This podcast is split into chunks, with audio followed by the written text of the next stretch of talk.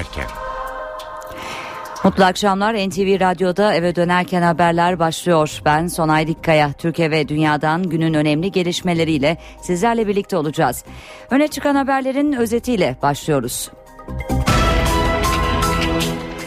CHP ve MHP anlaştığı Cumhurbaşkanlığı için çatı aday Ekmelettin İhsanoğlu oldu. Peki çatı aday siyasi kulislerde nasıl karşılandı? Az sonra ayrıntılarıyla aktaracağız. Günün önemli bir başka başlığı Irak'tan. Türkmen kenti Tel Afer düştü. Irak ordusunun çekildiği noktalara peşmergeler yerleşti. Irak'ta dengeler değişirken NATO Genel Sekreteri Ankara'da önemli mesajlar verdi. Adana'daki Lice eylemine polis müdahalesi sırasında hayatını kaybeden 14 yaşındaki çocuk damga vurdu. Hayatını kaybeden çocuğun ailesi gaz fişeği öldürdü diyor. Valilik ise elinde bomba olduğunu söylüyor. Lice'de yol kesme eylemi de bitirildi. Haberi KCK duyurdu. Başbakanın sert tepkisinden sonra bugün Merkez Bankası Başkanı konuştu. Bankanın siyaset dışında bir kurum olduğunu vurguladı. İstanbul'da öğle saatlerindeki dolu ve sağanak yağışla karıştı. Yer yer sel baskınları oldu. Yozgat'ta üzerine yıldırım düşen bir çoban hayatını kaybetti. Üç kadın yaralandı. Kütahya, Kütahya ve Batman'da düşen yıldırımlarsa yangınlara neden oldu. Özetleri aktardık NTV Radyo'da. Eve dönerken haberler başlıyor.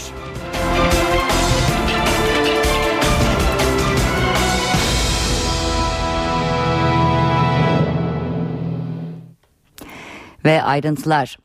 CHP ve MHP liderleri anlaştı. Cumhurbaşkanlığı seçimi öncesi günlerdir süren görüşmeler sonunda İslam İşbirliği Teşkilatı'nın eski genel sekreteri Profesör Ekmalettin İhsanoğlu'nu çatı aday olarak kamuoyuna açıkladılar.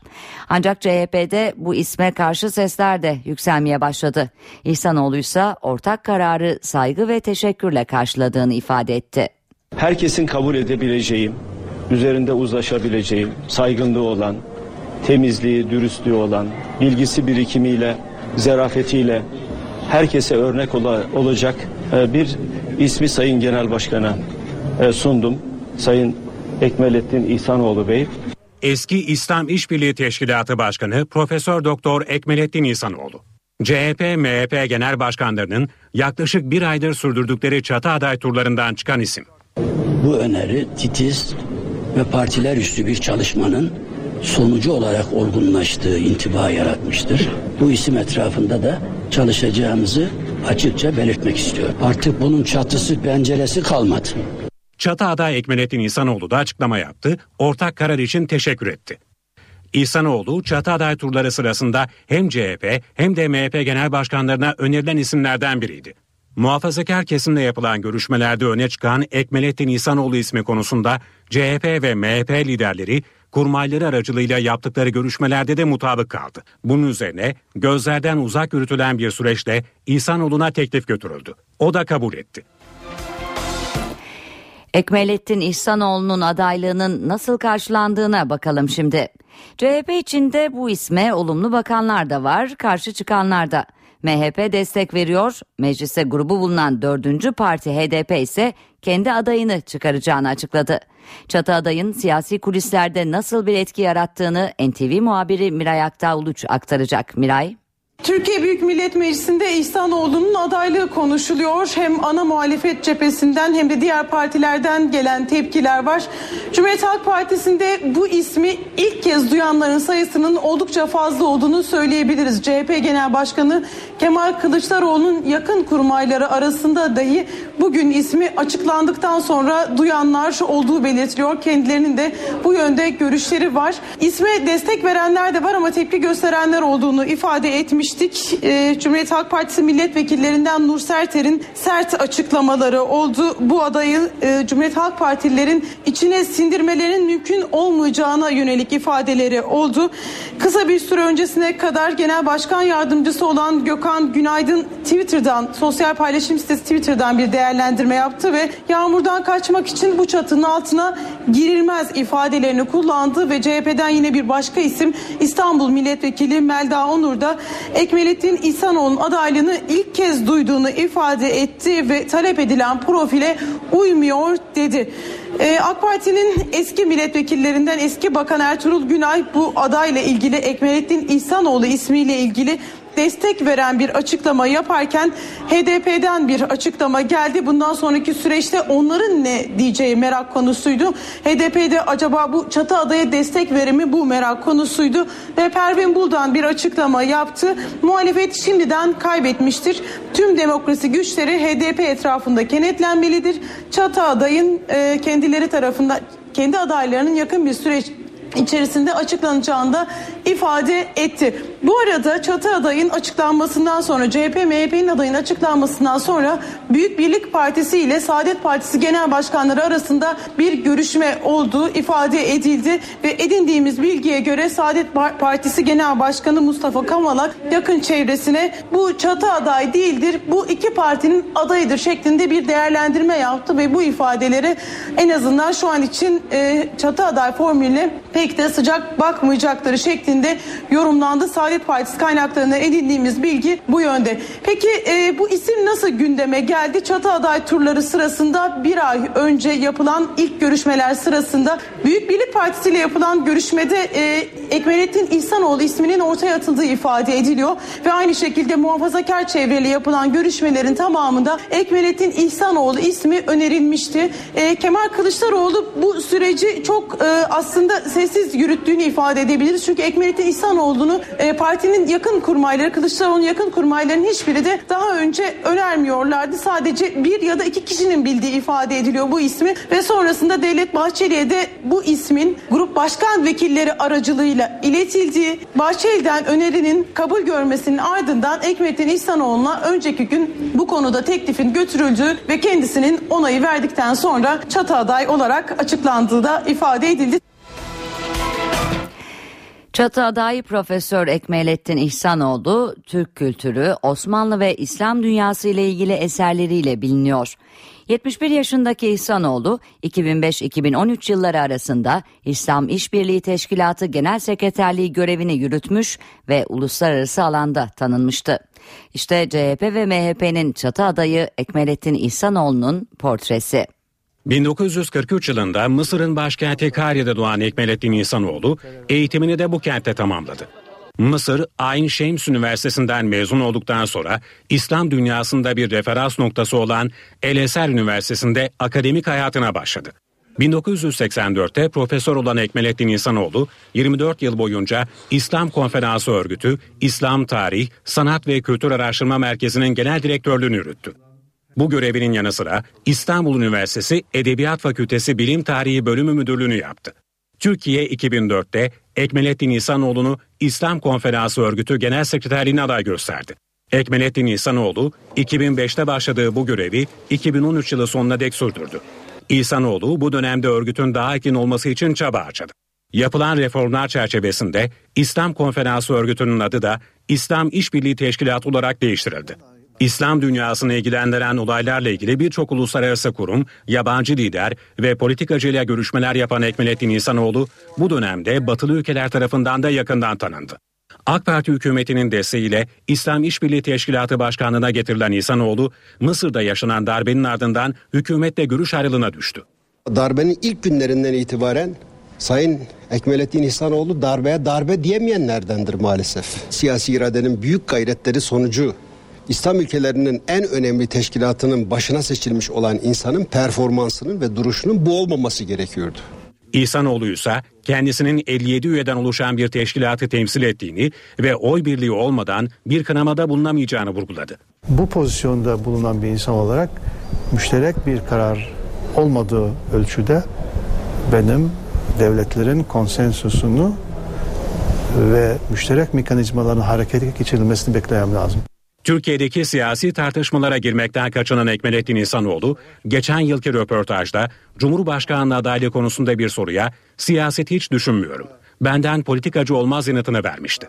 Türk ve Osmanlı kültürünün yanı sıra İslamiyetle ilgili eserleri de bulunan İhsanoğlu pek çok akademik ve onur nişanının da sahibi. Şimdi kısa bir ara veriyoruz ardından yeniden birlikte olacağız. Eve dönerken devam ediyor.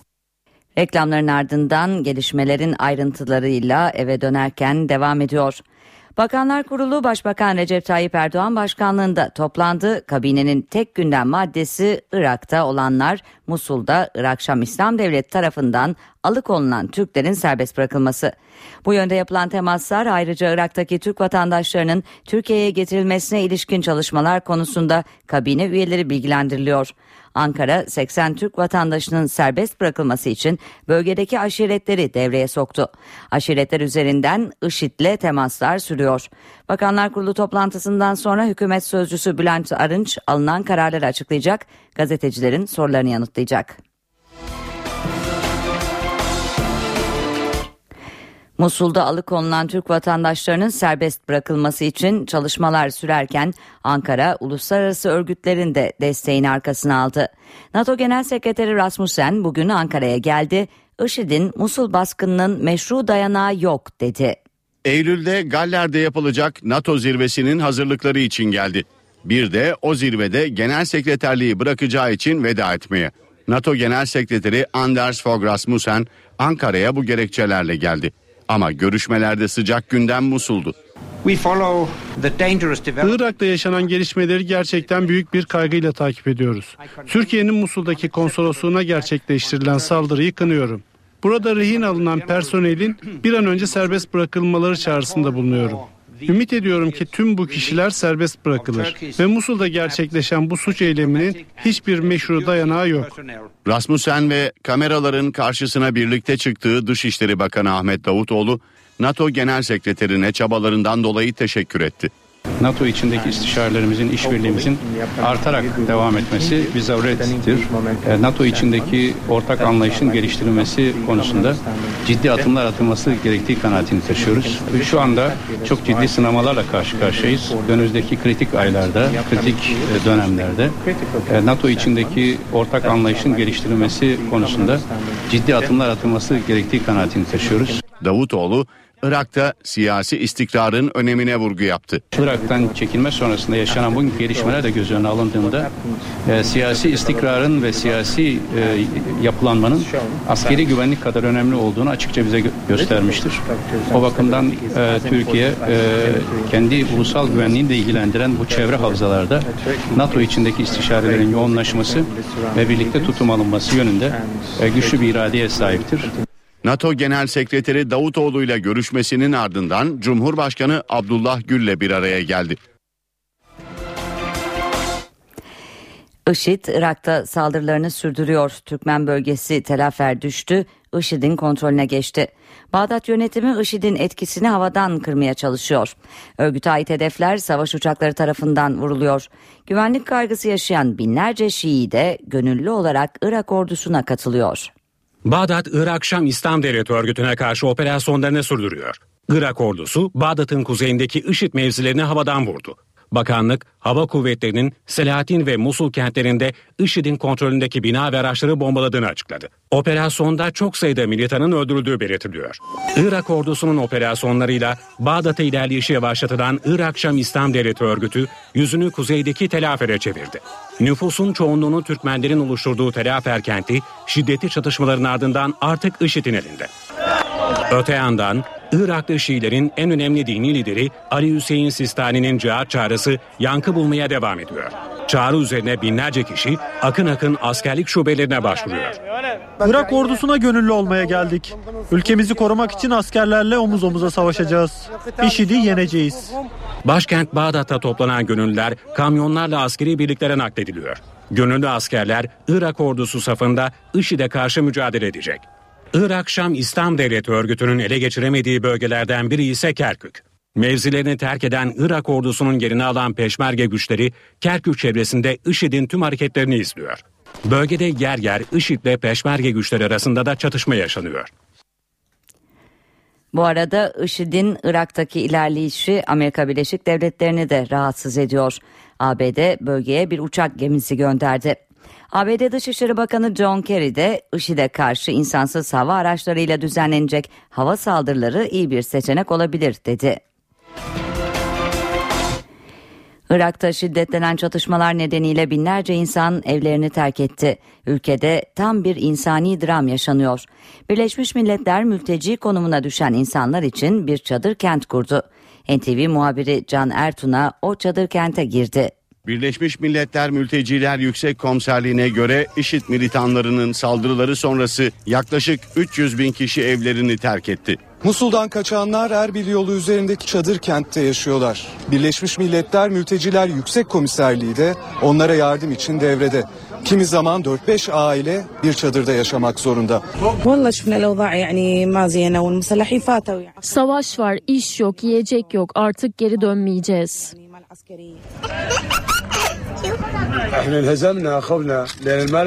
Maliki güçleri ve IŞİD çatışıyor, biz arada kalıyoruz. Biz kurtulduk ama evimiz yıkıldı. Musul'un yanı başındaki bir kasaba. Buradan kaçanlar olmuş ama yaşanan şiddetin tüm boyutlarına rağmen evini terk etmeyenler de var. Burası Bartalla Musul çevresinde en sıkı korunan yer belki de. Nüfusun yarısı Şii, yarısı Hristiyan, Süryaniler. Korunuyorlar çünkü Irak Şam İslam Devleti'nin olası bir saldırısından çok korkuyorlar. Dışarıda peşmergeler var. İçeride silahlı kuvvetlerini oluşturmuşlar. Irak ordusu belki de bölgeden kaçtı ancak Hristiyan askerler üniformalarını çıkarmadı. Silahlarının başında kasabalarını korumak için nöbette. İşit ele geçirdiği yerlerde ağırlıklı olarak Sünni olmayanları hedef aldığı için kasabadan büyük bir göç yaşanmış. Bartala'daki kilise son günlerde cemaatinin büyük bir bölümünü yitirmiş. Halkın yaklaşık yarıya yakını kaçtı. IŞİD gelirse biz de kaçarız. Ancak doğduğu topraktan asla ayrılmayacağını söyleyenler de var. Birçok ordu mensubu safları terk etti belki ama Bartala'daki Hristiyan asker hala görevi başında. Ben asla kaçmayacağım. Ölene kadar buradayım. Para ve sermaye piyasalarındaki işlemlere bir göz atacağız. Borsa İstanbul şu sıralarda 77.904 seviyesinde. Serbest piyasada dolar 2 lira 13 kuruş, euro 2.89'dan işlem görüyor Türk lirası karşısında. Kapalı çarşıda ise Cumhuriyet altını 594, çeyrek altın 143 liradan satılıyor. Gelişmelerin ayrıntılarını aktarmayı sürdüreceğiz. Şimdi yayınımız Ben Bu İşte Ustayım adlı yarışma programıyla devam edecek. Eve dönerken devam ediyor. Evet saatlerimiz 18'i gösteriyor. NTV Radyo'da eve dönerken haberler devam ediyor. Günün öne çıkan haberlerinden satır başlarını hatırlatalım. CHP ve MHP anlaştı. Cumhurbaşkanlığı için çatı aday Ekmelettin İhsanoğlu oldu. Çatı adaya ilk tepkilerse CHP'den geldi. Siyasi kulislerden tepkileri az sonra Ankara'dan canlı yayında alacağız. Dışişleri Bakanlığı IŞİD'in Musul'da kaçırdığı 80 Türk vatandaşının aynı noktada tutulduğunu duyurdu. Kaçırılan şoförlerle de temas halinde olunduğunu vurgulayan yetkililer, Bağdat Büyükelçiliği içinse tahliye kararı alınmadığını kaydetti. Adana'daki Lice eylemine polis müdahalesi sırasında 14 yaş Lice eyleminde polis müdahalesi sırasında 14 yaşındaki çocuk hayatını kaybetti. Ailesi gaz fişeği öldürdü diyor. Valilik ise elinde bomba olduğunu söylüyor. Başbakanın sert tepkisinden sonra bugün Merkez Bankası Başkanı konuştu. Bankanın siyaset dışında bir kurum olduğunu vurguladı. İstanbul'da öğle saatlerindeki dolu ve sağanak yağışla karıştı. Yer yer sel baskınları oldu. Yozgat'ta üzerine yıldırım düşen bir çoban hayatını kaybetti. Üç kadın yaralandı. Kütahya ve Batman'da da düşen yıldırımlar yangınlara neden oldu. Özetleri aktardık NTV Radyo'da eve dönerken haberler sürüyor.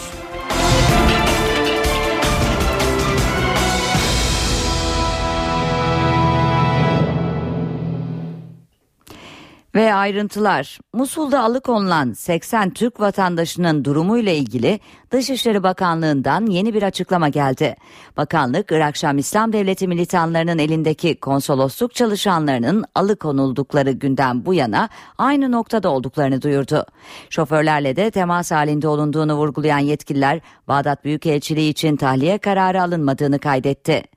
Ayrıntıları NTV muhabiri Deniz Kilislioğlu aktarıyor. Deniz. Aynı yerde duruyorlar ki Musul merkezdelerdi. Konsolosluk çalışanlarıyla ilgili son bilgi bu. Şoförlerle de temas sürüyor. Onlarla ilgili de bir gelişme yok. Dışişleri Bakanlığı yetkilileri her an bekliyorduk ki gelsinler ama gerçekleşmedi ifadelerini kullandılar. Bilgilendirmede genel bir Irak tablosu çizildi ki hatırlayacaksınız. IŞİD'in eline geçmişti. Son bölge Telafer. Telafer'de zayiat olduğunu ifade etti yetkililer. Türkmenler arasında ölenler olduğu bilgisi geliyor ancak net rakam elimizde yok denildi. AFAD'ın bölgeye yardımlar gönderdiği ifade edildi. Basra'da da durum kötüye gidiyor. Bu bilgi verildiği içeride. E, bu arada Türkiye'nin Maliki yönetimine iki önemli mesaj verdiği ifade edildi Bağdat Büyükelçisi aracılığıyla. Bunlardan ilki hatırlayacaksınız Musul Konsolosluğu önündeki Irak güvenlik güçleri Maliki yönetimi tarafından Türkiye'ye haber vermeden çekilmişti. Bununla ilgili olarak önceden haberimiz olmalıydı. Burada sorumluluğunuz vardır denildi ve Basra ve Bağdat misyonları içinde önlemleri arttırın talebi gitti Türkiye'den Maliki yönetimine. Peki bu iki noktayla ilgili bir tahliye kararı var mı? Yetkililer tüm planlamaları yaptık. Alınmış bir tahliye kararı ancak şu aşamada yok denildi.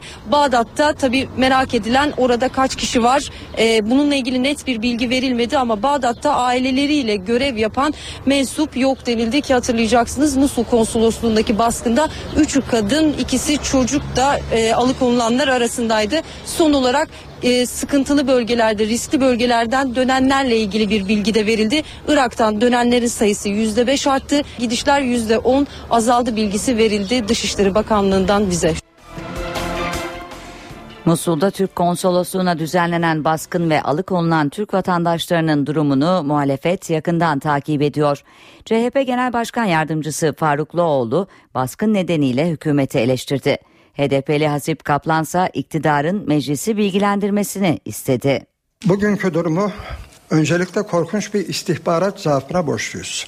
İkinci olarak bugünkü durumu bir yönetim boşluğuna ve zaafına borçluyuz. Şoför esnafının aileleri perişan, umut bekliyorlar, bir çözüm bekliyorlar. Diplomasi yürüyor. Ne diploması arkadaşlar ya? Muhalefet IŞİD'in Musul'da Türk konsolosluğuna düzenlediği baskın konusunda hükümete tepkili. CHP Genel Başkan Yardımcısı Farukluoğlu, Dışişleri Bakanlığı'ndan yapılan bilgilendirme açıklamalarını eleştirdi. Olayın üzerinden 5 gün geçti. Bugüne kadar yapılan açıklamalar çelişkili. Dışişleri Bakanı Davutoğlu diyor ki bunlar rehin e, alınmadı. Bunlar e, mekan e, değiştirdi. E, bunlar e, sağlıkları iyi, güvenlikleri iyi, bir sıkıntıları yok e, şeklinde e, açıklamalar e, yapıyorlar. Sanki e, bu vatandaşlarımız IŞİD'in misafiri konuklarıymış gibi bir hava verilmeye çalışılıyor. HDP ise hükümetin kısa süre içerisinde meclisi bilgilendirmesini istiyor. Genel görüşme önergelerimizi meclise verdik. Ama Dışişleri Bakanı geldi dedi ben dedi liderlere biraz dedi bilgi vereyim. Boş bilgiler. Bu arada Irak Şam İslam Devleti militanları Irak'taki ilerleyişini sürdürüyor. Bağdat yolunda Irak ordusuyla karşılaşılmasının ardından rota değiştirildi ve militanlar kuzeye yöneldi. Hedef olarak da Türkmenlerin yaşadığı Telafer kenti seçildi. IŞİD kentte kontrolü ele geçirmiş durumda. NTV muhabiri Can Ertun'a Irak'tan bildiriyor. Türkmenlerin yoğun olarak yaşadığı Telafer Irak Şam İslam Devleti'nin kontrolünde diyebiliriz. Irak Şam İslam Devleti örgütü militanları uzun zamandır Telafer'e yükleniyorlardı. Orada peşmerge yok. Irak ordusu var. Ancak Irak ordu mensuplarının da yer yer mevzilerini terk etmeye başladık başlamasıyla birlikte Irak Şam İslam Devleti örgütü militanları da Telafer'e girdiler elbette. Bu özellikle oradaki Şii Türkmenler için oldukça korkutucu bir gelişme. Hayatını kaybeden kaybedenler var. Sayısını ne yazık ki şu an bildiremiyoruz. Oradan haber almak oldukça güç ancak göç yollarına düşen çok sayıda Türkmen var. Yöneldikleri yerler öncelikle Tel Afer'in e, batısında yer alan Suriye sınırına oldukça yakın e, peşmergelerin denetimindeki Sincar kenti. Aynı zamanda kuzeyde, kuzeydoğuda Türkiye'ye yakın Duhok'a yöneliyorlar. Ancak Türkmenlerin istedikleri yerlere yerleşmesi de büyük bir sorun. Keza bulunduğumuz noktada da aslında benzeri sorunlar var. Herhangi bir e, Kuzey Irak Kürt yönetimi idari bölgesine girerken bir referans göstermeniz, bir vekalet göstermeniz gerekiyor. Yani içerideki birisinin size kefil olması gerekiyor. Bu kefaletten yoksun Türkmenler açıkçası şu an gelen bilgiler o ki yollarda. Irak e, Şam İslam Devleti örgütü militanlarının Telafer'de neler yaptıkları kontrolü e, ne kadar ele geçirdikleri çok meçhul ancak bizim görüştüğümüz görgü tanıklarının çoğu artık birkaç nokta haricinde telaferin tamamen örgütün denetiminde olduğunu söylüyor. Elbette ki diğer noktalarda Tikrit'te Musul'da olduğu gibi burada da intikam saldırılarından mezhep kıyımlarından korkuyorlar. Bölgesel Kürt Yönetimi Başbakanı Neçirvan Barzani, Irak'taki karışıklığı konuşmak üzere Tahran'a gitti. Barzani'nin İran Ulusal Güvenlik Konseyi Sekreteri Ali Şamkani ile görüşmesinde IŞİD'e karşı alınacak önlemler konuşuldu. Özellikle Kerkük çevresinde peşmerge güçleriyle IŞİD militanları arasında çatışmalar oluyor. İran Cumhurbaşkanı Ruhani önceki gün yaptığı açıklamada IŞİD militanlarına karşı Irak'a yardımda bulunabileceklerini söylemişti. Irak'taki olaylar petrol fiyatlarına yansıdı. Varil petrolün fiyatı ortalama 4 dolar yükseldi. Enerji Bakanı Taner Yıldız fiyat artışının önümüzdeki günlerde devam edebileceğini, Kuzey Irak'tan yapılan petrol sevkiyatında ise bir aksama olmadığını bildirdi. Şu ana kadar Kuzey Irak'tan gelen yaklaşık 100 bin varil, 120 bin varillik e, sevkiyat devam ediyor. Şu anda yol haritasında herhangi bir değişiklik söz konusu değil. Enerji ve Tabi Kaynaklar Bakanı Taner Yıldız, Irak'ta yaşanan IŞİD krizinin Kuzey Irak petrolünün sevkiyatını etkilemediğini söyledi. Ancak Bakan Yıldız, krizin petrol ve doğal gaz maliyetlerine etkisine dikkat çekti. Gerek ham petrolün gerekse ham petrol fiyatlarına bağlı formüle edilen doğal gazın maliyetlerinin artacağı çok net bir şekilde ortada. Biz bunu kendi içimizde eritebileceğimiz, kendi içimizde maliyetlerini e, dengeleyebileceğimiz bir yapıyı da arkadaşlarımız zaten sürekli çalışıyorlar. Bakan Yıldız enerji verimlerinde yeni dönem toplantısında konuştu. Gündeminde Cem Uzan'ın Stockholm'de Türkiye aleyhine açtığı 2,5 milyar euroluk davada vardı. Türkiye'nin 12 yıl önceki hükümetlerimizi iş başına geldiğindeki Türkiye'nin gayri safi yurt dışı hasılası kadar bir miktar talep ediliyor arkadaşlar bizden. Bizim tabii ki buna bütün e, şubelerimizle beraber, bütün yönlerimizle beraber de hukuki mücadelemiz tabii ki devam edecek.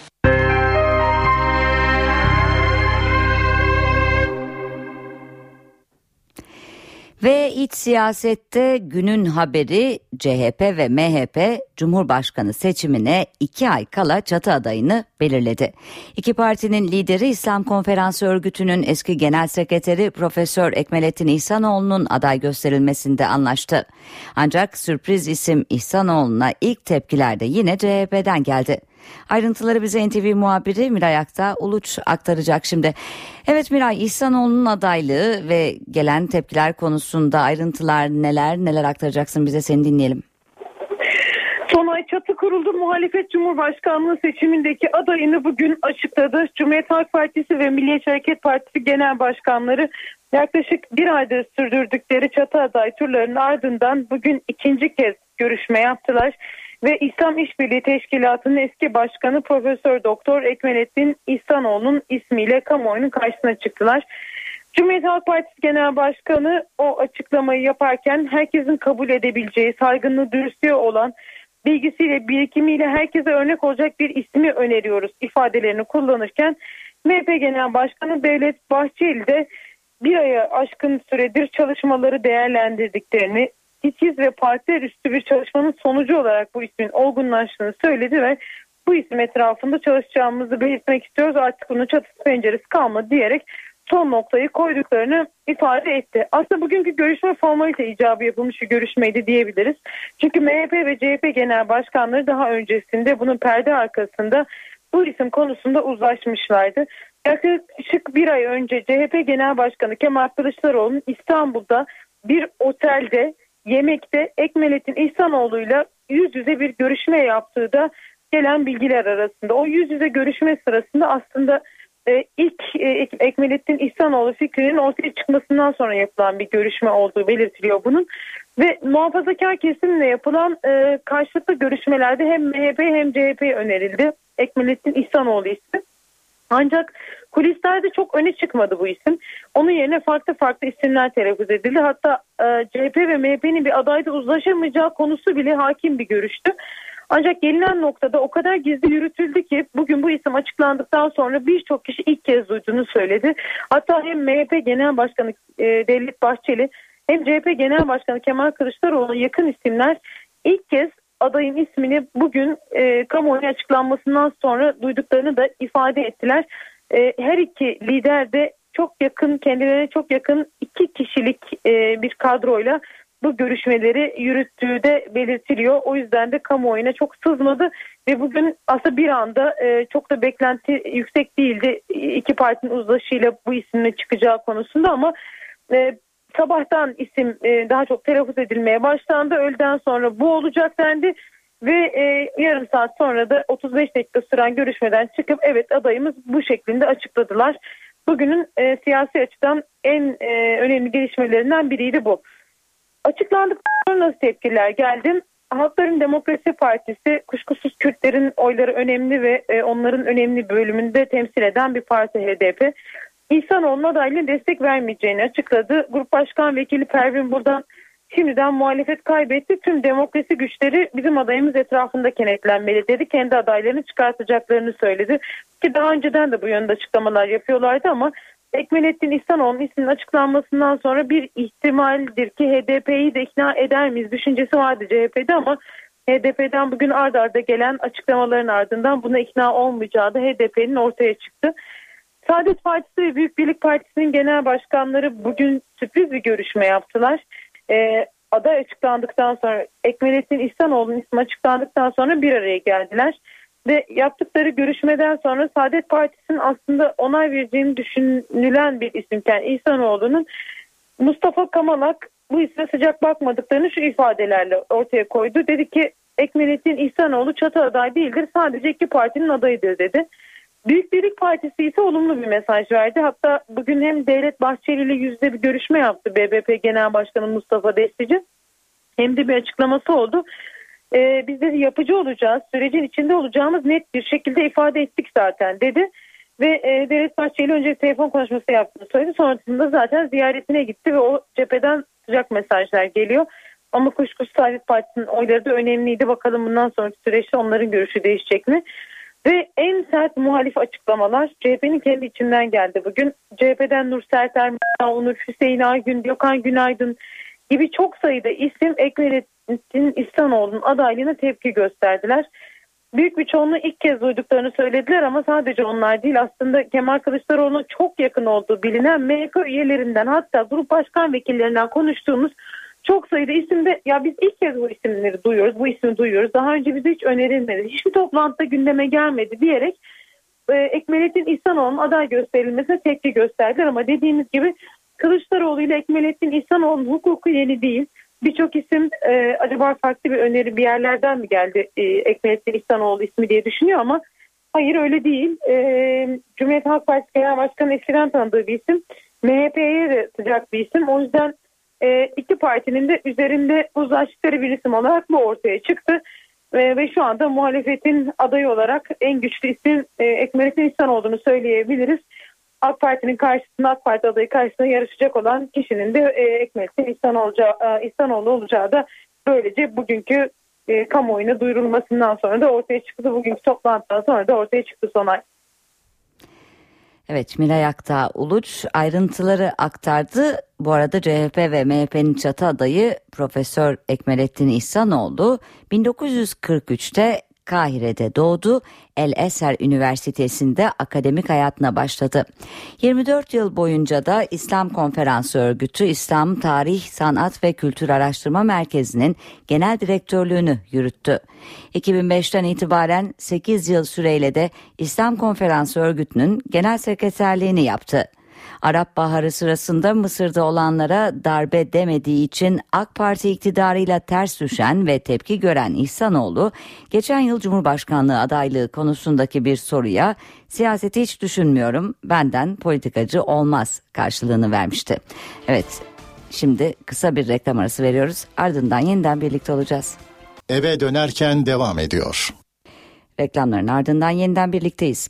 İstanbul Ok Meydanı'nda Berkin Elvan'ın cenaze töreni sırasında çıkan olaylarda Burakcan Karamanoğlu'nun öldürülmesiyle ilgili yürütülen soruşturmada savcılık iddianame yazımını tamamladı. Mahkemeye gönderilen iddianamede 3'ü tutuklu 4 sanık yer alıyor. Tutuklu sanıklardan birinin olayda kullanılan silahı temin ettiği ileri sürülüyor. Diğer tutuklu iki sanığın ise adam öldürmek suçundan ağırlaştırılmış müebbet hapis cezasına çarptırılması talep ediliyor. Ok Meydanı'nda geçen yıl 16 Haziran'da başına gaz fişeği kapsülü isabet eden ve 269 gün sonra hayatını kaybeden Berkin Elvan olayın meydana geldiği yerde anıldı. Anma törenine ailesi ve arkadaşlarının yanı sıra mahalle halkı da katıldı. Baba Sami Elvan bir yıldır yaptığımız tüm hukuki girişimlere rağmen sorumlular mahkeme önüne çıkartılmadı dedi. Açıklamanın ardından Berkin Elvan'ın vurulduğu yere mumlarla adı yazıldı. Hakkari'ye bağlı Aktütü'nde askerlere süt taşıyan araç silahlı 3 kişi tarafından yakıldı. Güvenlik güçleri bunun üzerine bölgede operasyon başlattı. 3. Dağ ve Komando Tabur Komutanlığı birliklerinin operasyonuna helikopterler de havadan destek veriyor. Lice'de kalekol yapımını protesto için ulaşıma kapatılan Diyarbakır Bingöl Karayolu 23 gün sonra trafiğe açıldı. Kandil karayolundaki protesto eyleminin sona erdirildiğini duyurdu. Barikatlar kurularak ve iş makineleriyle hendekler açılarak ulaşıma kapatılan karayolunda ulaşım zaman zaman güvenlik güçlerinin müdahalesi sonrası kontrollü olarak yapılabiliyordu. Göstericilerin bundan sonra eylemlerini yol kapatarak değil, kuracakları çadırda oturma eylemi şeklinde devam ettirecekleri belirtiliyor. Adana'da Lice'deki olayları protesto eden gruba polisin müdahalesi sırasında yaşamını yitiren 14 yaşındaki İbrahim Aras bugün toprağa verildi. Valilik Aras'ın el yapımı patlayıcı bir maddenin infilak etmesi sonucu hayatını kaybettiğini belirtiyor. Ailesi ise çocuğun başına gaz kapsülü isabet ettiğini söylüyor. Kesin ölüm nedeni otopsi raporuyla netleşecek. Adana'da Lice olaylarını protesto eden gruba polis müdahalesi sırasında hayatını kaybeden 14 yaşındaki İbrahim Aras toprağa verildi. Çocuğun cenazesinin adli tıptan alınışı öncesinde gerginlik yaşandı. Gel, geri gel. Aile cenazenin zamanında teslim edilmediğini söyleyerek tepki gösterdi. Cenaze konvoy eşliğinde mezarlığa götürülürken de bir grup yol üzerindeki Dağlıoğlu Polis Merkezi'ne taş ve havai fişek attı. 14 yaşındaki İbrahim Aras, Adana'nın Seyhan ilçesinde Lice olaylarının protesto edildiği gösteride yaşamını yitirdi. Eyleme katılanlar Aras'ın olaylar sırasında başına gaz kapsülü isabet etmesi sonucu öldüğünü iddia etti. Valilikten yapılan açıklamada ise 14 yaşındaki çocuğun el yapımı patlayıcı maddenin infilak etmesiyle hayatını kaybettiği savunuldu. Ön otopsi raporu valiliğin açıklamasının aksi yönünde. Rapora göre çocuğun ölümü kafatası kırıklarıyla beyin kanaması ve beyin doku harabiyeti sonucu meydana geldi. Ön raporda vücudun herhangi bir iz emare, patlama, herhangi bir vücut kaybı, kol kopması ve benzeri bir şeyin olmadığını mütalaa etmişlerdir. Ayrıca olay yeri tespit tutanağında İbrahim Aras'ın cesedinin bir metre yakınında gaz kapsülü bulunduğu bilgisi yer aldı. Cenazeye katılan HDP eş genel başkanı Sebahat Tuncel olayın bir an önce açıklığa kavuşturulmasını istedi. Kim yaptıysa derhal açığa çıkartılmalı, derhal kanun karşısına çıkartılmalıdır.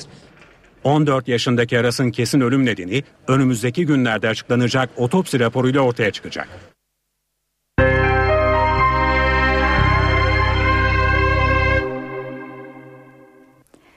Hükümetle Merkez Bankası arasındaki faiz tartışmasında bu kez Merkez Bankası Başkanı'ndan çarpıcı açıklamalar geldi. Başkan Erdem Başçı faizin düşmesini ben de istiyorum ancak bu politik aracıdır gerektiğinde kullanırız dedi. Merkez Bankası'nın siyaset dışında olduğunu, vesayet kurumu olmadığını ifade eden Erdem Başçı, ekonominin seyri konusunda ise iyimser konuştu. Merkez Bankası Başkanı Erdem Başçı bugün Konya Ticaret Odası'nda bir sunumda yer aldı. Son dönemde hükümetten gelen faiz indirimi çağrılarına da değinen Başçı, Merkez Bankası vesayet kurumu değildir dedi. Merkez Bankası bir aslında nedir? Acentedir, bir vekildir. Hükümetin vekilidir. Bir acentedir. Teknik bir kurumdur. Siyasetin dışındadır. Biz de insanız, biz de bu ülkenin vatandaşıyız ve faizlerin yüksek olmasını biz de istemeyiz. Ama bunu yapmak gerekiyor çünkü bu bir politika aracı bizim açımızdan. Bu Merkez Bankası Başkanı sunumunda ekonomiye ilişkin iyimser mesajlar aktardı. Gelecek yıl sonunda enflasyonda %5'i görmeden rahat etmeyeceğim diyen başçı, jeopolitik riskler konusunda da endişe etmeye gerek olmadığını söyledi. Enflasyon düşmek zorunda ve düşecek. Elimizden gelen gayreti burada göstereceğiz. Enflasyon görünümü iyileştikçe biz de ölçülü faiz indirimlerine devam edebiliriz. Ama enflasyon görünümünde e, arizi de olsa, geçici de olsa bir bozulma olursa da dikkatli bir şekilde konuyu inceleriz. Merkez Bankası Başkanı'nın ardından ekonomiden sorumlu Başbakan Yardımcısı Ali Babacan da konuştu. Bakan Babacan Merkez Bankası'nın bağımsızlığının çok önemli olduğunu vurguladı. Kriz ortamında dahi bundan vazgeçmediklerini belirtti. Türkiye'nin en derin krizde dahi kendisini ispat etmiş bir ekonomik program var. Bu artık istihdam üreten, büyümeyi sağlayan, istikrarı güçlendiren bir ekonomik program. Tabi bunun temelleri belli. Mali disiplin, Merkez Bankası'nın bağımsızca uyguladığı para politikalar. Sürekli olarak Başbakan Yardımcısı Ali Babacan Merkez Bankası'nın bağımsızlığına vurgu yaptı. Merkez Bankası bağımsızlığının yararının ekonomik kriz ortamında bile kendini ispat ettiğini söyledi. Özellikle farklı dönemlerde, çalkantının olduğu dönemlerde cin fikirler ortaya çıkabiliyor. Böyle kestirme, bypass metotlar önerilebiliyor. Biz bunların hepsini elimizin tersiyle itiyoruz. Cari açığı düzelterek, enflasyonu düşürerek, mali disiplini devam ettirerek büyümeyi ve istihdamı sağlamak. Başbakan Yardımcısı Babacan Ankara'da düzenlenen bir toplantıda konuştu. Türkiye ekonomisinin sağlam temeller üzerinde durduğunu söyledi. Büyüme için asla devlet harcamaları gibi yanlış bir yol içerisine girmemek. Biliyorum Japon dostlarımız ben bunları söyledikçe belki Japonya'da uygulanan ekonomik modelden oldukça farklı bir makroekonomik modelin burada olduğunu belki duyuyorlar benden ama biz farklı bir yol seçtik kendimize. Özel sektör eliyle ve düşük kamu harcamasıyla büyüme.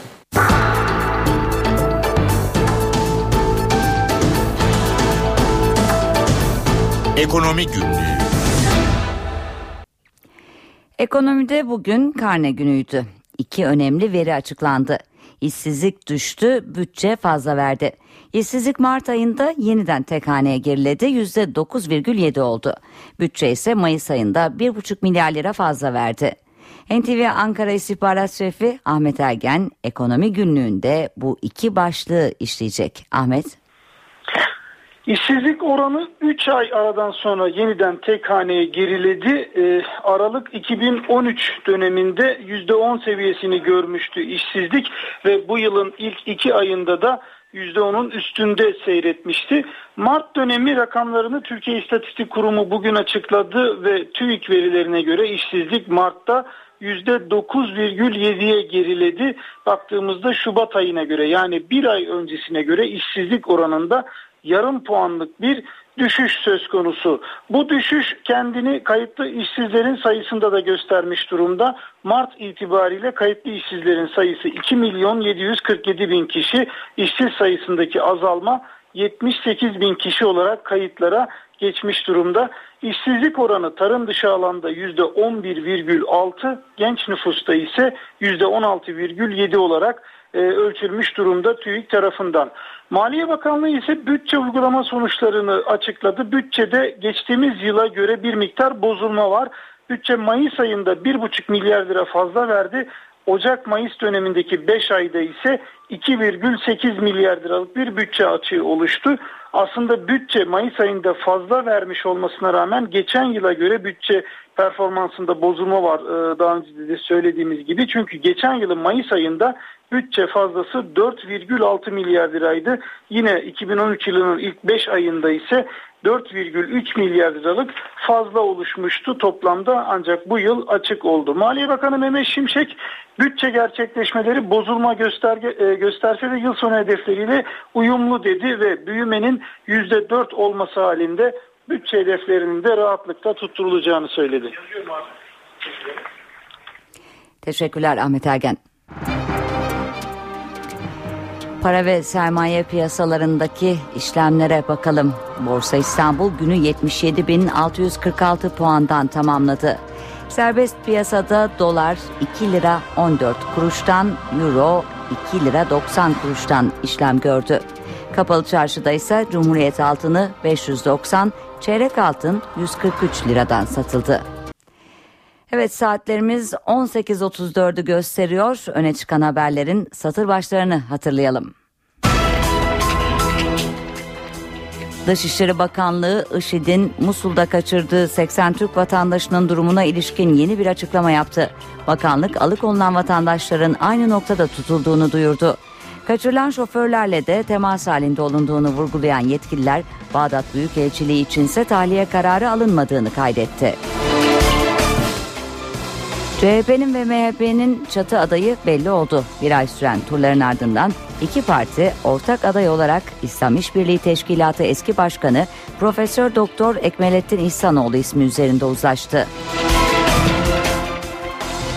Kayak yaparken geçirdiği kaza sonucu komaya giren efsanevi F1 pilotu Mihail Schumacher yoğun bakımdan çıktı. Ünlü pilotu şimdi uzun bir rehabilitasyon süreci bekliyor. Satır başlarını aktardık. Şimdi kısa bir araya gidiyoruz. Eve dönerken devam ediyor. Reklamların ardından yeniden birlikteyiz. Sağanak yağıştan sonra Yozgat'ta iki yere yıldırım düştü. Bir çoban hayatını kaybetti, üç kadın yaralandı. Kütahya ve Batman'da düşen yıldırımlarsa yangınlara neden oldu. Yozgat Sorgun'da şiddetli yağmur akşam saatlerinde başladı. İlçede iki ayrı noktaya yıldırım düştü. Mansuroğlu köyünde hayvan otlatan 70 yaşındaki satılmış kırca hayatını kaybetti. Yeni Yer beldesinde ise halı yıkayan 3 kadının üzerine yıldırım isabet etti. Yaralanan kadınlardan birinin hayati tehlikesi var. Kütahya'da yıldırım eylem yapan işçilerin üzerine düştü. İşten çıkarılan 18 işçinin geri alınması için toplanan madenciler oturma eylemi yapıyordu. İşletmenin önündeki 150 kişilik grubun üzerine yıldırım düştü. 25 yaşındaki işçi Ömer Tuncan yaralandı. Kütahya'nın İnköy mahallesindeki bir samanlığa da yıldırım düştü. Hızla büyüyen alevler itfaiyenin müdahalesiyle kontrol altına alındı. Yıldırım Batman'da 3 ayrı noktada yangına neden oldu. Beşiri ilçesine bağlı 3 köydeki tarlalara yıldırım düştü. Bin dönüm ekili buğday alanı kül oldu. Şimdi yurt geneli için yarınki hava tahminlerini alacağız. NTV Meteoroloji Editörü Gökhan Abur'u dinliyoruz. Ege ve Akdeniz'den sonra Marmara ve iç kesimlerde de sıcaklıklar yükseliyor. Haftanın ikinci yarısı Batı Karadeniz, Marmara ve Kuzey Ege'de kuvvetlenecek Poyraz. Sıcaklıkları 3-4 derece azalsa da yine de ortalamaları civarında olacak. Sıcaklıklar yükselirken kısa süreli yerel sağanaklar hafta boyu aralıklarla devam edecek. Yarın Trakya ve Karabük Kastamonu arasında hafif, Doğu Karadeniz ve Doğu Anadolu'da ise aralıklarla yağışlar görülecek. Marmara'nın batısı, Batı Karadeniz ve Doğu Anadolu'daki yerel yağışlar çarşamba günü aralıklarla devam edecek. Perşembe günü de Marmara, Kuzey Ege, Batı Karadeniz ve Doğu Anadolu'nun doğusunda hafif yağış var.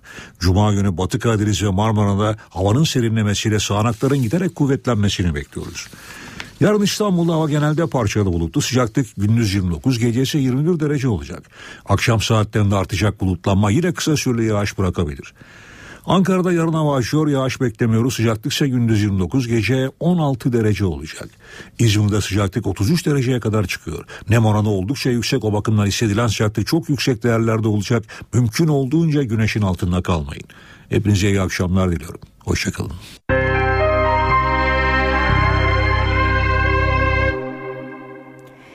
İstanbul Sarıyer'de ailesiyle gittiği piknikte kaybolan 4 yaşındaki Baran 16 saat süren aramadan sonra Belgrad ormanlarında uyurken bulundu. Oğlunun bulunmasıyla rahat bir nefes alan baba Mehmet Çelik'in ailelere bir çağrısı oldu. Mutlu haber 16 saat sonra geldi. İstanbul Sarıyer'deki piknik alanında kaybolan 4 yaşındaki Baran bulundu. Benim de. Çocuk korkmuş çökmüştü böyle. Ee, bacağına bir sarmaşık takılmış. O şekilde büyük ihtimal ondan daha ilerleyememiş. 4 yaşındaki Baran Çelik Sarıyer Bahçeköy'de ailesiyle pikniğe gitti. Bir süre sonra kayboldu. Ailesi bulamayınca polise haber verdi. Uzman ekipler bölgeye çağrıldı. Polis Kirazlı Bent mevkinin girişine güvenlik şeridini çekti ve daha geriye kimsenin alınmasına izin verilmiyor. Hemen gerideki noktada dev projektörlerle ormanlık alan aydınlatıldı ve Baran'ı bulmak için çalışmalar devam ediyor. Su kuyuları, ağaç dipleri arandı. Arazi didik didik tarandı. Sosyal medya üzerinden seferber olanlar da arama çalışmalarına katıldı. Sevindirici haber sabah saatlerinde geldi. Allah kimseye göstermesin Herkes bu acıyı. Herkes sahip çıksın çocuğuna. Biz çektik kimse çekmez. Siz çocukların elini kimse bırakmasın. Baran kaybolduğu yerden yaklaşık 3 kilometre uzaklıkta bulundu. Bulunduğunda uyuyordu. Sağlık durumu iyi. Baran'ı bulan polis memuru o anları anlattı. Yani normal ana yolun çok daha e, uzağındaydı. Böyle tepenin içindeydi. Yani çalılıkların arasında. Uçabildi mi sizi? Yok ses çıkarmadı da daha sonra yani yolda gelirken şey yaptı. Gülmeye falan başladı ama korktuğu belliydi. Olayla ilgili soruşturma başlatıldı. Çocuğun nasıl kaybolduğu, kaybolduğu yerden yaklaşık 3 kilometre uzağa nasıl gittiği soruşturma sonunda netlik kazanacak. Yılın ilk 4 ayında tam 13 çocuk öldürüldü. Meclise görüşmeleri süren yeni yargı paketi çocuk cinayetleri ve cinsel suçların cezalarında artış öngörüyor. Böylece çocuk cinayetlerinin önüne geçilmesi hedefleniyor. Peki çocuklar neden şiddetin hedefinde? NTV muhabiri Burcu Aydın da uzmanlara sordu. Mert Aydın 9 yaşında. Gizem Akdeniz 5,5 yaşında. Cinayet kurbanı oldular. Üstelik katilleri uzakta değildi. Gizem'i öldüren arama çalışmalarına bile katılan akrabasıydı. Mert ise babasının araba satın aldığı otogaleri sahibiydi. Bir insan bir çocuğu neden öldürür? Bir çocuğu öldürmenin e, tabii ki en büyük motiflerinden bir tanesi tanık olması nedeniyle oluyor veya öyle olabileceğini düşündüğü zaman onu da ortadan kaldırıyor. İkincisi fidye için tabii çocuğu kaçırır ve fidyeyi almanıza rağmen öldürebildiğiniz e, yani olaylar olabilir. İkinci bir unsuru. Tabii ki intikam duygusuyla olabilir. Peki bu tür vakalarda katil nasıl bir profile sahip? Çocuğa yönelenlerin çoğunda kendi yaşıtıyla ilişki kurmakta zorlanan, içine kapanık, kendine özgüveninde sıkıntı yaşayan kişilikler görüyoruz. Ailenin içine girip güven sağlayan ve çocuğu oradan alıp çıkabilecek nitelikte bir kişi olma profili var. Vicdani değerler gelişmiyor. Tüm herkesi ve her şeyi kendisine kullanılabilir, kendi zevkleri için amaç edinilebilir ve istismar edilebilir olarak görüyor. Ailelerin öncelikle yapması gereken yabancı ve mahrem kavramlarını öğretmek. Bilmediğin mekana gitme diyoruz. Bağırarak yardım iste diyoruz. Hayır öğretmiyoruz. Önce hayır öğretmeliyiz. İç çamaşırıma dokunma egzersizini vermiyoruz biz çocuklara. İyi dokunma nedir, kötü dokunma nedir? Böyle zamanlarda ne yapmak gerekle ilgili de bilgi vermek gerekecek.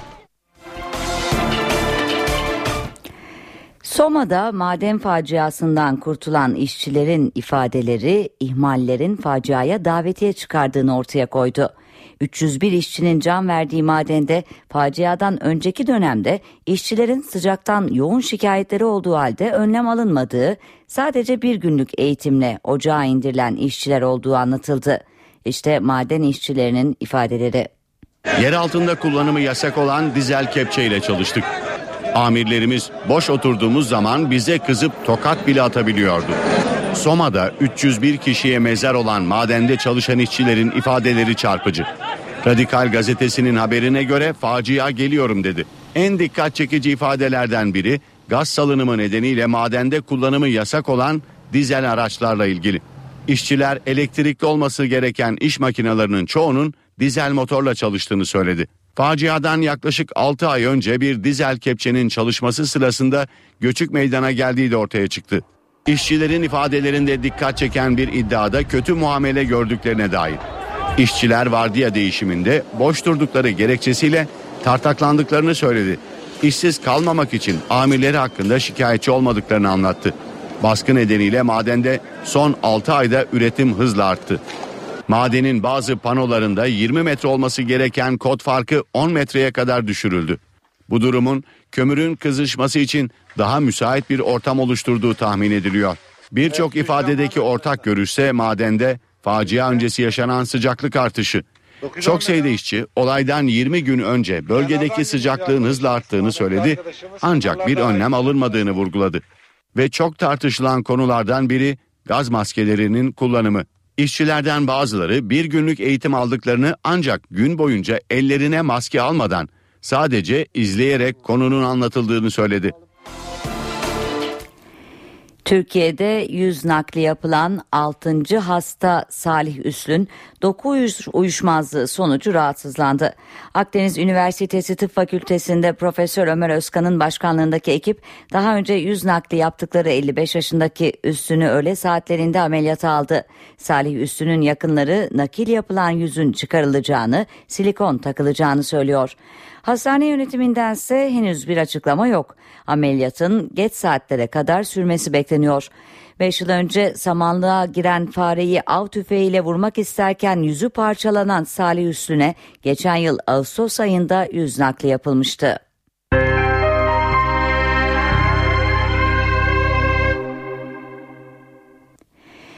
Fransız Alplerinde geçirdiği kazadan sonra komaya giren ve 5,5 aydır yoğun bakımda tedavi gören F1 pilotu Mihail Schumacher'den iyi haber geldi. Efsane pilot bugün taburcu oldu. Ancak Schumi uzun bir rehabilitasyon sürecinden geçecek. Formula 1'in efsanevi pilotu Mihail Schumacher'den iyi haber var. 45 yaşındaki Schumacher'in komadan çıktığı açıklandı. Geçen Aralık'ta kayak yaparken düşen ve başını taşa çarparak komaya giren efsanevi pilot Fransa'da tedavi gördüğü hastaneden taburcu edildi. Ancak bu Mihail Schumacher'in iyileştiği anlamına gelmiyor. Formula 1'de tam 7 kez şampiyon olarak rekor kıran Schumacher'in tedavisi İsviçre'nin Lozan kentinde bir hastanede devam edecek. Schumacher'i burada uzun bir rehabilitasyon süreci bekliyor. Rehabilitasyon tedavisinin aylar hatta yıllar alabileceğine dikkat çekiliyor. Efsanevi pilotun sağlık durumu ile ilgili daha fazla ayrıntı açıklamayan ailesi, Schumacher'in tedavisinin gözlerden uzak sürmesini istiyor. Brezilya Dünya Kupası'nda heyecanlı maçlara ev sahipliği yaparken bir taraftan da protestolar başladı. Dünya Kupası'na harcanan paranın eğitime, sağlığa harcanmasını isteyen göstericilere polis sert müdahalede bulundu. Dünya Kupası'nı ev sahipliği yapan Brezilya'nın Rio de Janeiro kenti çatışmalara sahne oldu. Göstericiler kentin ev sahipliği yaptığı ilk maç olan Arjantin Bosna Hersek maçının oynandığı Maracana Stadyumu'nun etrafında toplandı. Dünya Kupası için çok fazla para harcadılar. Ancak sokaklar evsiz insanlarla dolu. İnsanlar parasızlıktan eğitim ve sağlık ihtiyaçlarını karşılayamıyor. İşte bu yüzden sokaktayım ve bu sorun çözülene kadar da gitmeyeceğim. FIFA karşıtı sloganlar da atan göstericiler sokaklarda barikat kurdu. Polis kalabalığı dağıtmak için göz yaşartıcı gaz kullandı. Göstericiler gazın etkisinden korunmak için ara sokaklara kaçtı. Brezilya'nın Dünya Kupası için harcadığı rakamın 11 milyar doları aştığı belirtiliyor. Göstericiler bu parayla halka daha çok eğitim, sağlık ve altyapı hizmeti verilebileceğini vurguluyor.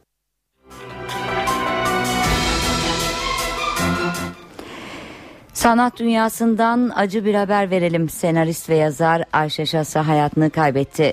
Murat'ın türküsü Ah Güzel İstanbul, Utanç ve Gramofon Avrat gibi Türk sinemasında önemli filmlere imza atan Şasa 73 yaşındaydı. Kemoterapi tedaviyi görürken geçirdiği zatüre sonucu kurtarılamadı. Ve sanat dünyasında açıklanan iki ödülün haberi var sırada. Sivas katliamında Madımak Oteli'nde hayatını kaybedenlerden şair Metin Altıok anısına verilen şiir ödülü sahibini buldu. Ödül bu yıl Beni Sorarsan isimli şiir kitabıyla usta kalem Gülten Akın'ın oldu. 9. Nuri İyem resim ödülü ise isimsiz adlı resmiyle Mimar Sinan Güzel Sanatlar Üniversitesi resim bölümü öğrencisi Şeyma Barut'a verildi. Yarışmaya katılan eserler 24 Haziran'a dek evin sanat galerisinde sergilenecek.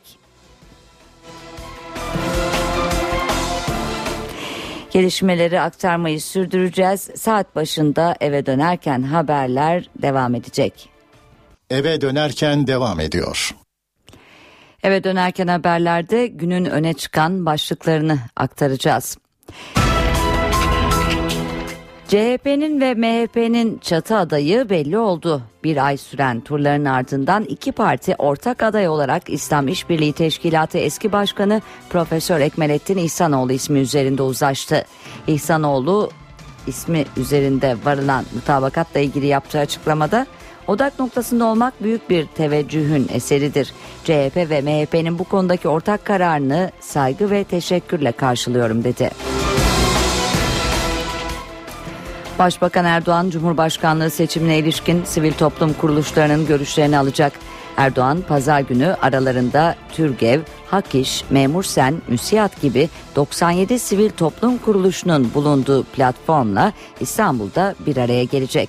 AK Parti'nin köşk adayını Haziran ayı sonunda açıklaması bekleniyor. Dışişleri Bakanlığı IŞİD'in Musul'da kaçırdığı 80 Türk vatandaşının durumuna ilişkin yeni bir açıklama yaptı. Bakanlık alıkonulan vatandaşların aynı noktada tutulduğunu duyurdu. Kaçırılan şoförlerle de temas halinde olunduğunu vurgulayan yetkililer Bağdat Büyükelçiliği içinse tahliye kararı alınmadığını kaydetti. Merkez Bankası Başkanı Erdem Başçı faiz tartışması ile ilgili konuştu. Faizin düşmesini ben de istiyorum. Ancak bu politika aracı, aracıdır. Gerektiğinde kullanırız dedi. Başçı bankanın bağımsızlığının önemine de vurgu yaptı. İstanbul'da 40 dakika süren sağanak yağış sonucu Ataşehir ve Kadıköy'de dereler taştı, cadde ve sokaklar sular altında kaldı. Yollardaki su baskınları nedeniyle sürücüler zor anlar yaşadı, araç kuyrukları uzadı.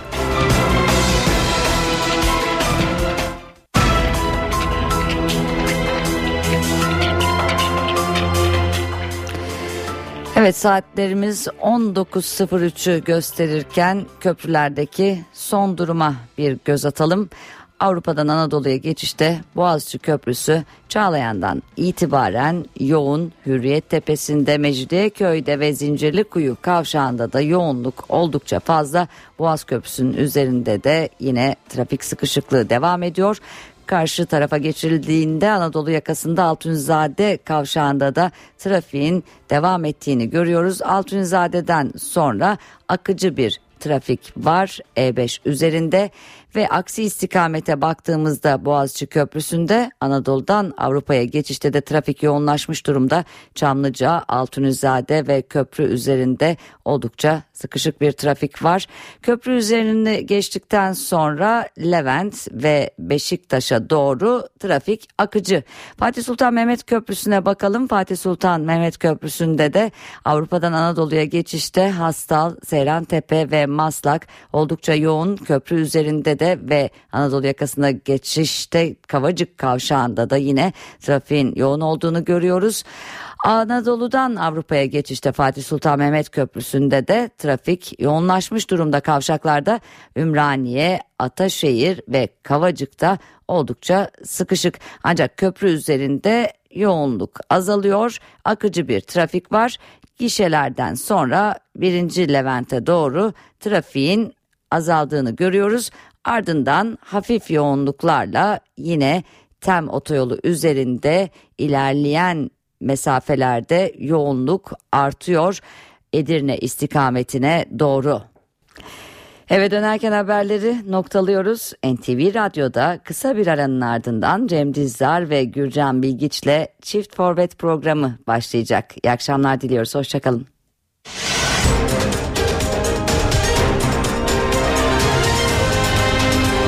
NTV Radyo, Türkiye'nin haber radyosu.